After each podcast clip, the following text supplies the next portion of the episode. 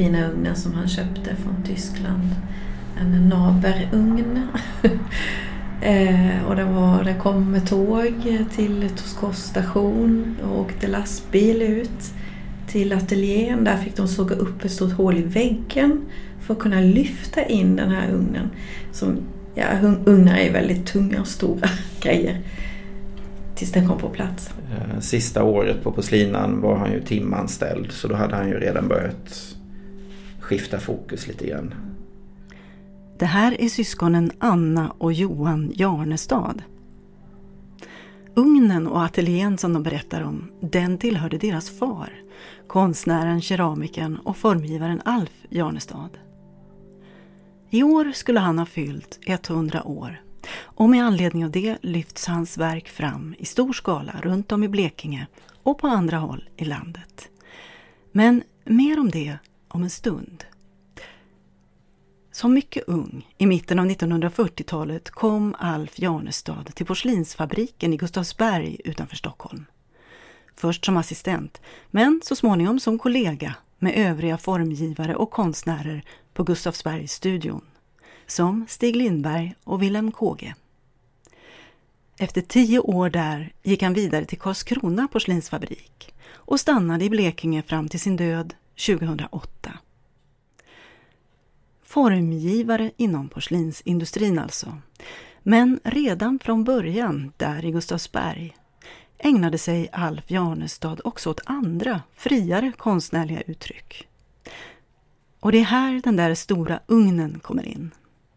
När den egna ateljén i Bubbtorp utanför Karlskrona stod klar lämnade Alf Jarnestad industrin för tillvaron som fri konstnär. Då hade han alltså mer än två decennier bakom sig som formgivare. Så hur hängde det här ihop? Var detta helt separata verksamheter för Alf Jarnestad? Jag tycker det sitter ihop. I, det finns eh, små eh, eh gångjärn mellan alla de här olika sektorerna. Eh, och små, små bryggor där man, man, man ser hans signatur i allting han gjorde. Ehm, så för honom var det, det var ju inget konstigt. Han började väl lite grann i rätt ände på något vis. Att han var i industrin och att han ehm, fick börja arbeta på det sättet. Ehm, och sen kunde han liksom frigöra sig från det. Men han hade ju fortfarande otroligt mycket erfarenhet av produktion av materialen och glasyrer och allt sånt där. Och sen fanns det ytterligare en liten del på som, eh, som teknisk lärare så undervisade han ju en period i teknisk ritning dessutom. Och det är ju, det är ju ytterligare ett liksom eh, i, på något vis oförenligt med det här helt fria. Men för honom eh, var det inte det. Utan han, han, eh, han behärskade ju väldigt, vad ska man säga, väldigt, väldigt brett spektrum.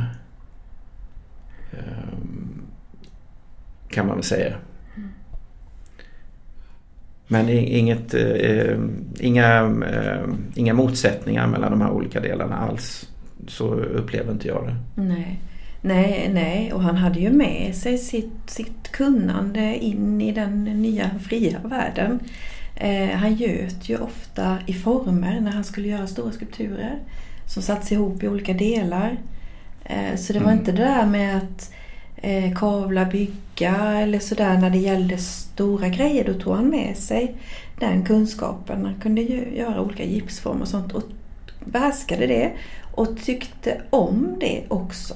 Det, att jobba så metodiskt mm. med, med formarna och med blandaleran och gummibanden som skulle runt och man skulle hälla och kolla och vrida och sådär. Så det tyckte han om och det var något som följde med från fabriken. Sen fanns det också en stor noggrannhet med väldigt mycket han gjorde och det kom också med mm, därifrån. Jag tänkte precis på det. Mm. Det här med att det var... Det var han, han, han, han gjorde till exempel perfekta linjer. När han var 80 år så kunde han ju dra en linje som var alltså hur rak som helst. Det kunde man inte göra efter. Inget liksom. där. Nej, det är fantastiskt alltså. Väldigt stadig. Ja. Och det måste ju, det måste de ju ha, det har man ju också funderat på, men det måste de ju ha sett när han kom till Gustavsberg och eh, liksom tog sig in där, för det får man ju säga att han gjorde eftersom han inte kom från akademin som många andra gjorde, utan han, han kom ju dit och visade så stor skicklighet att han lyftes upp där. Eh, och det är ju en ganska eh, krånglig väg att börja jobba där man hela tiden måste bevisa sig på något sätt. Eh, han skrev ju brev därifrån.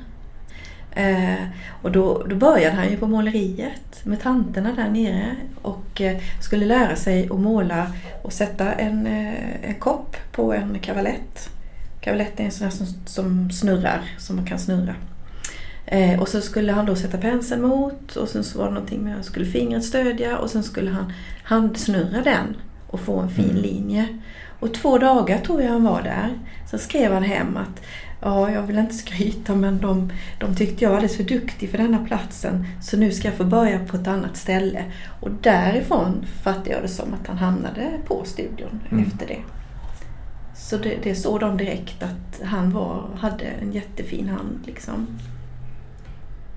Han hade ju en väldigt hög grad av hantverksskicklighet med sig in. Det, det var ju också ett drag.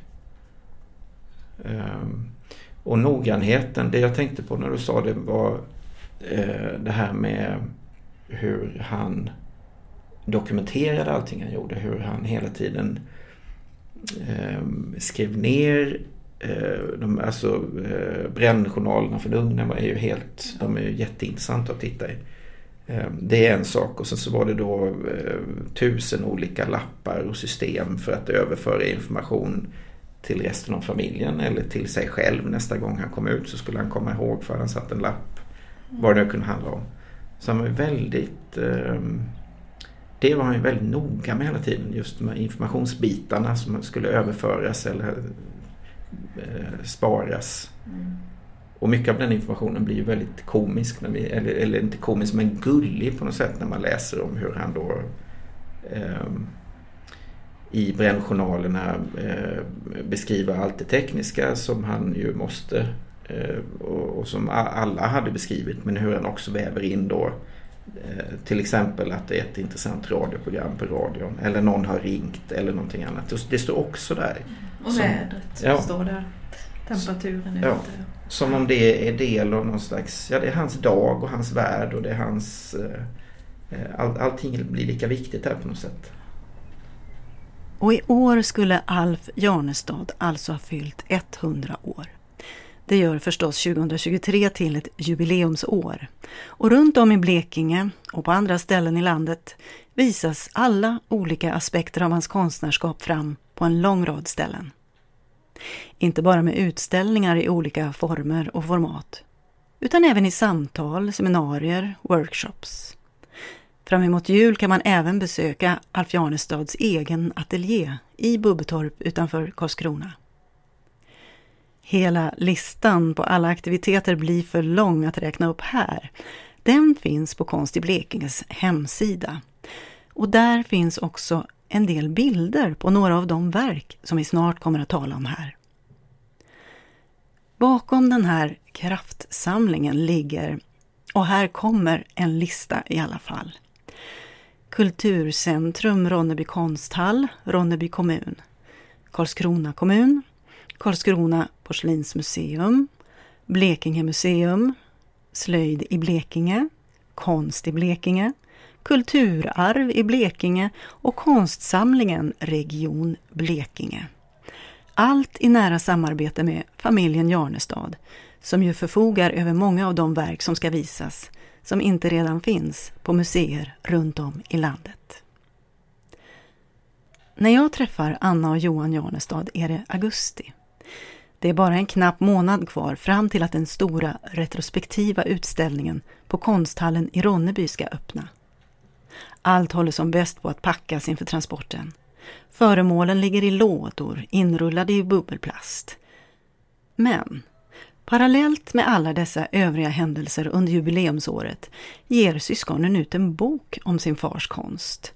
Text och framförallt väldigt många bilder på verk ur konstnärens hela historia. Boken Den är heller inte tryckt när vi ses, men den är så gott som klar och ett provtryck finns. Så det är det som vi nu sitter och bläddrar i. Under sin tid på Karlskrona porslinsfabrik formgav Alf Jarnestad bland mycket annat flera välkända serier av konstgods. Och vi börjar där. Alfa-serien och Tosses eh, gods. Så det här är Trosse gods som vi tittar på just nu. Mm. Hur skulle man beskriva det här om man inte har bilden framför sig? Eh, väldigt eh, monumentalt och, och rent och eh, enkelt. Ganska grovt i godset kan man väl säga. Mm, formen, ja. ja mm. och, eh, uppdelat lite i olika eh, beroende på vilka år det handlar om. Men den här perioden är det väldigt mycket järn och väldigt brun känsla, brun svart med lite blått i. Um, mm. Pjäser liksom, tunga, ganska stora. Väger lite när man håller i dem. Det är fat och det är olika sorters vaser, lite skålar. Eh, det som är det häftiga här, om formen är så som du säger, så här tung och liksom, så är ju de ganska komplexa glasyrerna. Det är ju de som gör att de här, eh, den här serien bara exploderar liksom i, eh, inifrån liksom på ett sätt. Det är svårt att förklara men mm det är färgexplosioner liksom. Det är reaktioner i hög temperatur eh, som fäller ut olika oxider eh, som ger olika färger. Då. Så de är väldigt, väldigt, glasyrerna är fantastiska. De måste upplevas. Väldigt mycket detaljer i det som vi också på något sätt är uppvuxna med. Små, det här är ju berättelser för oss. Det är ju, det är ju när han när han står och håller uppe en, en uh, trossvas i ljuset. Antingen att han står och tittar på dem själv och man har någon slags minne av att ha sett hur han höll i dem. Eller att han gärna pratade om dem och, och beskrev, ja titta här nu, nu när solen slår in. Och, och sen blir det då ett otroligt häftigt ljusspel på bordet av glasyren när det kommer direkt solljus som speglar sig. Så han, och, och han var ju väldigt, där var han väldigt så här tekniskt Mm. Han var ju väldigt i det tekniska, hur han hade gjort det, pratade gärna om hur själva tekniken bakom liksom hans metod. Så. Och då hade han ju också hela verktygslådan på fabriken tillgänglig. All, liksom, vilka, vilka blandningar han ville ha hjälp med eller vilka leror. Eller, det, det är ju, och ugnstemperaturen som var så speciell där, så väldigt högt. Mm.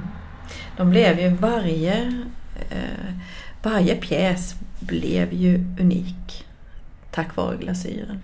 Mm. Även om det fanns många av samma eh, vas eller kragvas eller cylindervas eller fat så var ju varje ex eh, unikt. Ja, verkligen. Och det är ju udda i dessa sammanhangen då när man gör många i mm. samma form. Då brukar det också vara samma dekor på.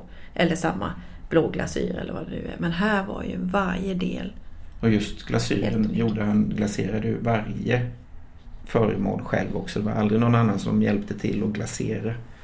Sen ibland kunde det vara komma elever från konstskolor som hjälpte till att kanske rista mönster och så som ligger under glasyren. Men själva glaserandet gjorde han ju själv. Och det är 50-tal eller 60-tal?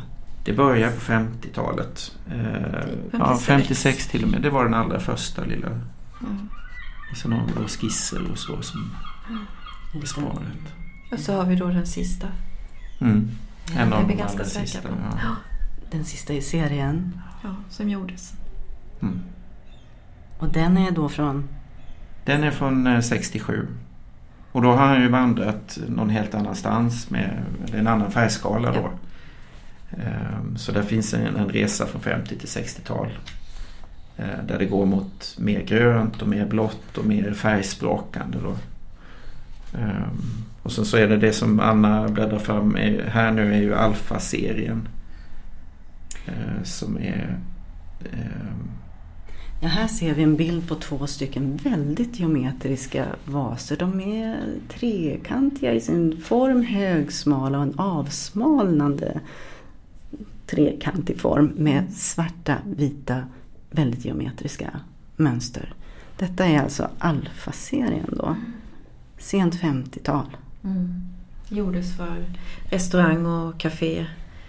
Eh, det, man skulle ju alltid ha en vas på alla bord då på den tiden och det skulle stå en färsk blomma i. Så det köptes väldigt mycket ut till restauranger. Mm. Och gjordes i massor med olika former och dekorer. Ganska kort serie var det.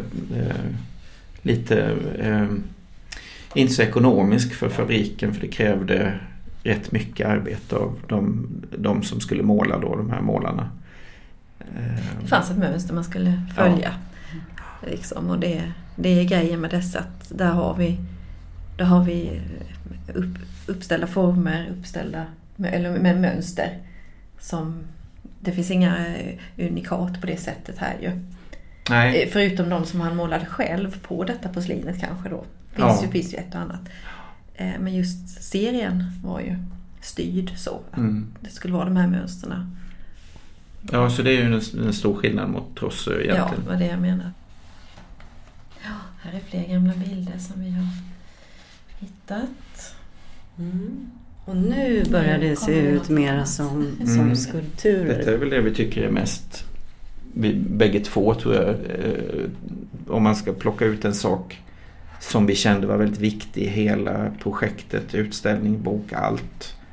Så var det att, lyfta fram de, just de här skulpturerna. Vad är det vi tittar på nu?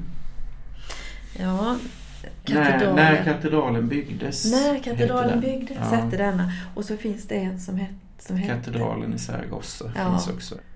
Um. Sen har vi kung Harald vid Hastings maskin med pressande uppgifter. Kvadratisk västanvind. Ja, det eh, finns... Apparat för spännande av trumskinn ja, har vi. Och, ja. Ja. Eh, en, en liten vas som jag har, eller en liten konstruktion som jag har som heter vas riktad mot fienden. Han, han eh, hittade på mycket roliga namn som han har gett sina, sina skulpturer eller keramiska konstruktioner. Som vi har kallat dem då. Va? Mm. Det var lite oklart vad de skulle kalla dem. Alltså, eh, om man börjar med när det uppstod så var det ju lite det var ju lite så här grillaverksamhet nästan. Det här var ingenting som ingenting som ingick i arbetet. Det, var ingen, eh, det här är inte konstgods heller. Det här är något helt annat. Eh, det är ju rena konstföremål som han sitter och, och hittar på själv att han ska göra. Ehm, för att han hittar en lera som tål att göra det här kan man säga. Vad gjordes de då? Ja det är ju det de görs på fabriken i hans ateljé på fabriken. Och, och då blir det ju som att um, hela hans roll förändras ju tack vare det här. Han bryter mot alla regler, han gör någonting som Karlskrona aldrig har sysslat med tidigare utan de, det har ju funnits liksom prydnadsföremål men det har ju, sånt här har ju aldrig gjorts.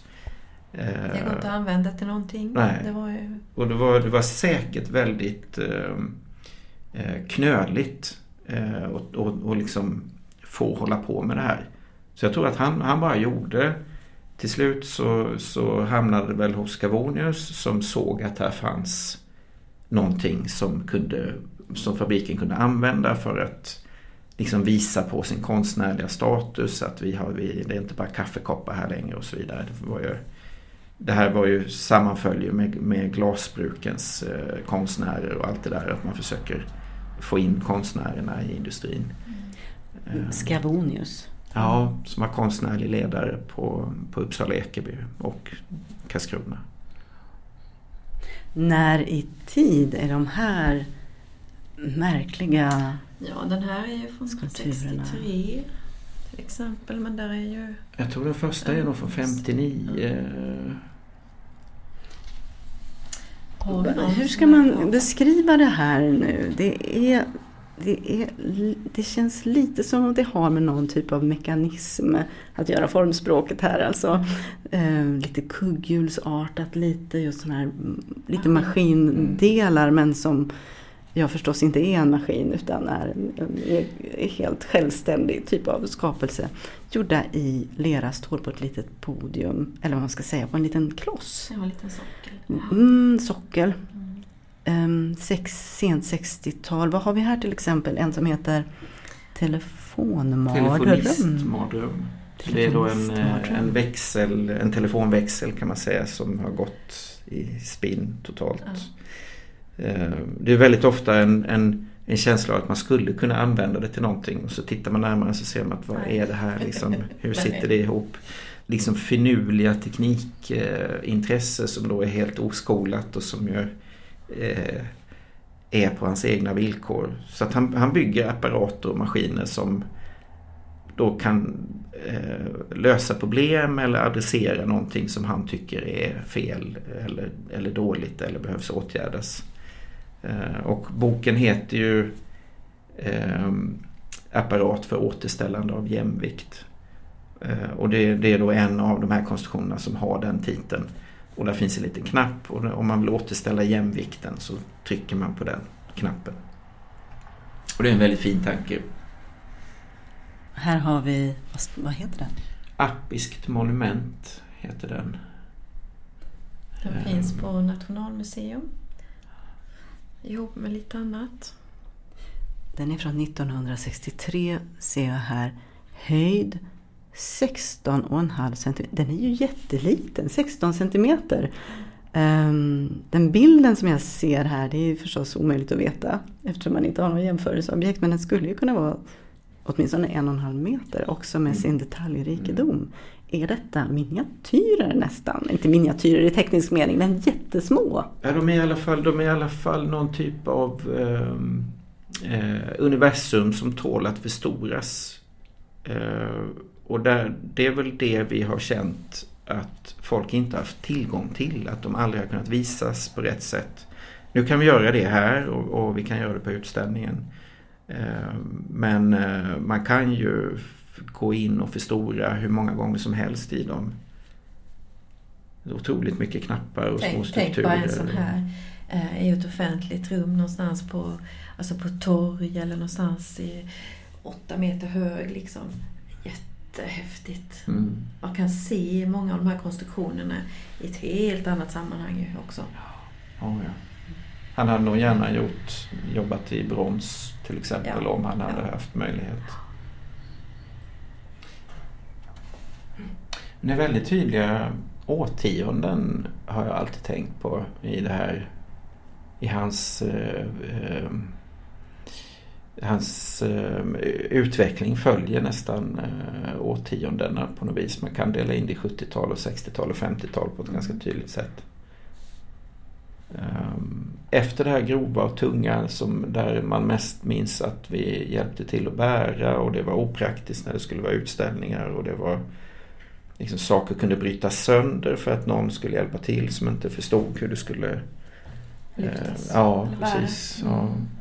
Och det som hände sen var ju egentligen att eh, då blev allt det här alldeles för tungt och för jobbigt och till slut så blev det ju eh, under någon, någon ganska sådär drastisk övergång så blev det måleri av allting. Han slutade bara plötsligt ja. med stengodset.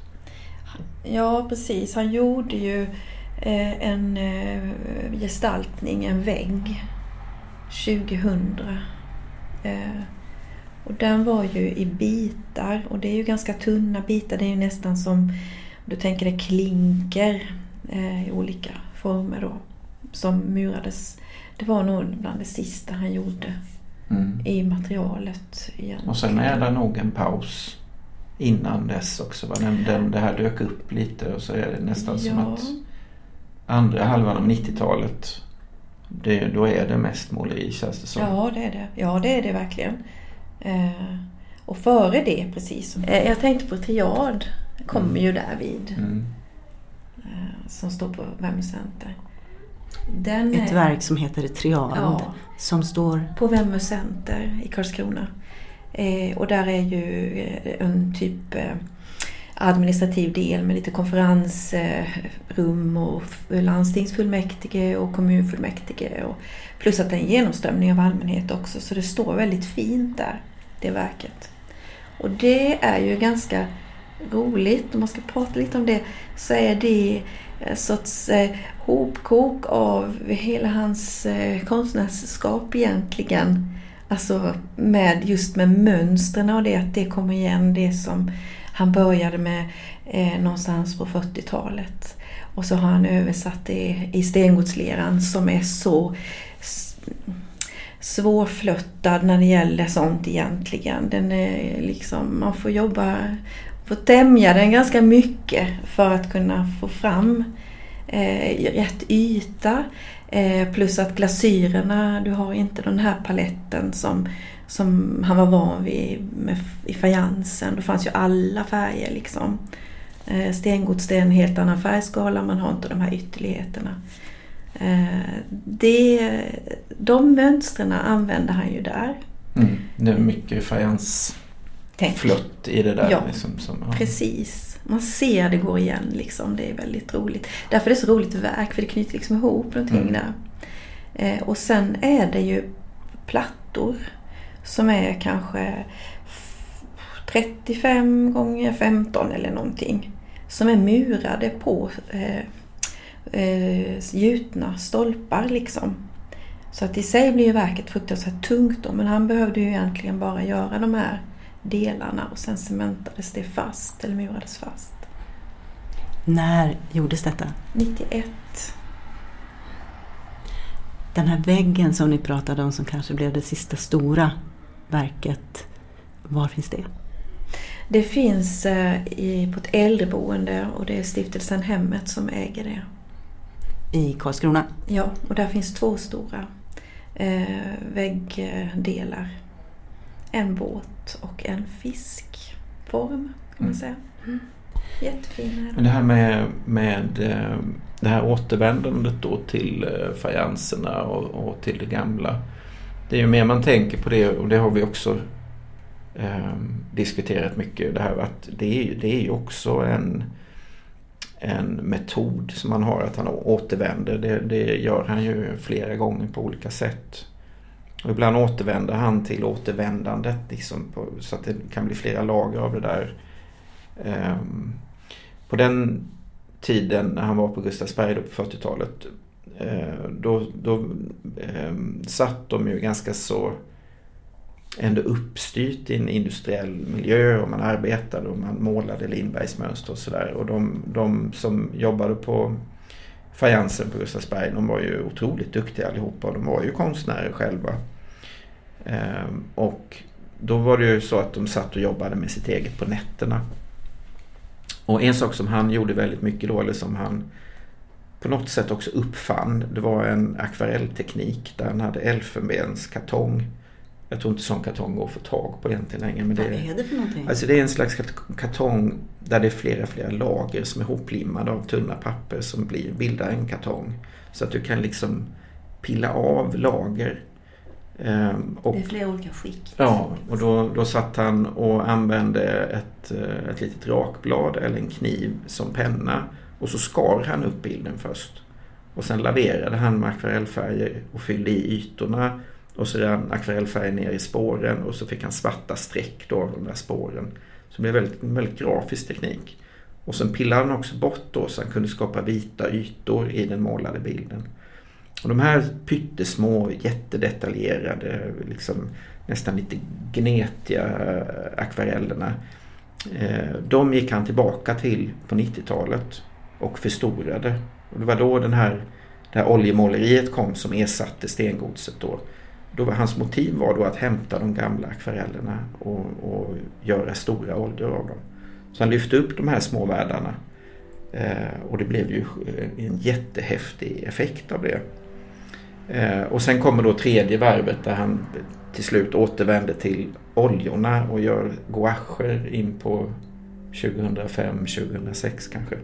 Plockar han upp en olja från början på 90-talet och så gör han en, en ytterligare en detalj som han förstorar upp ur oljan. Liksom. Så det, det, det, kan man verkligen säga är ett, ett drag han hade. Eller att det var en, en metod. Att komma tillbaks igen och igen mm. fast på, ur en annan, en annan vinkel. Liksom. Ja. Mm. Åter, äh, återkomma, återvinna, äh, ta itu med det igen på något sätt. Mm.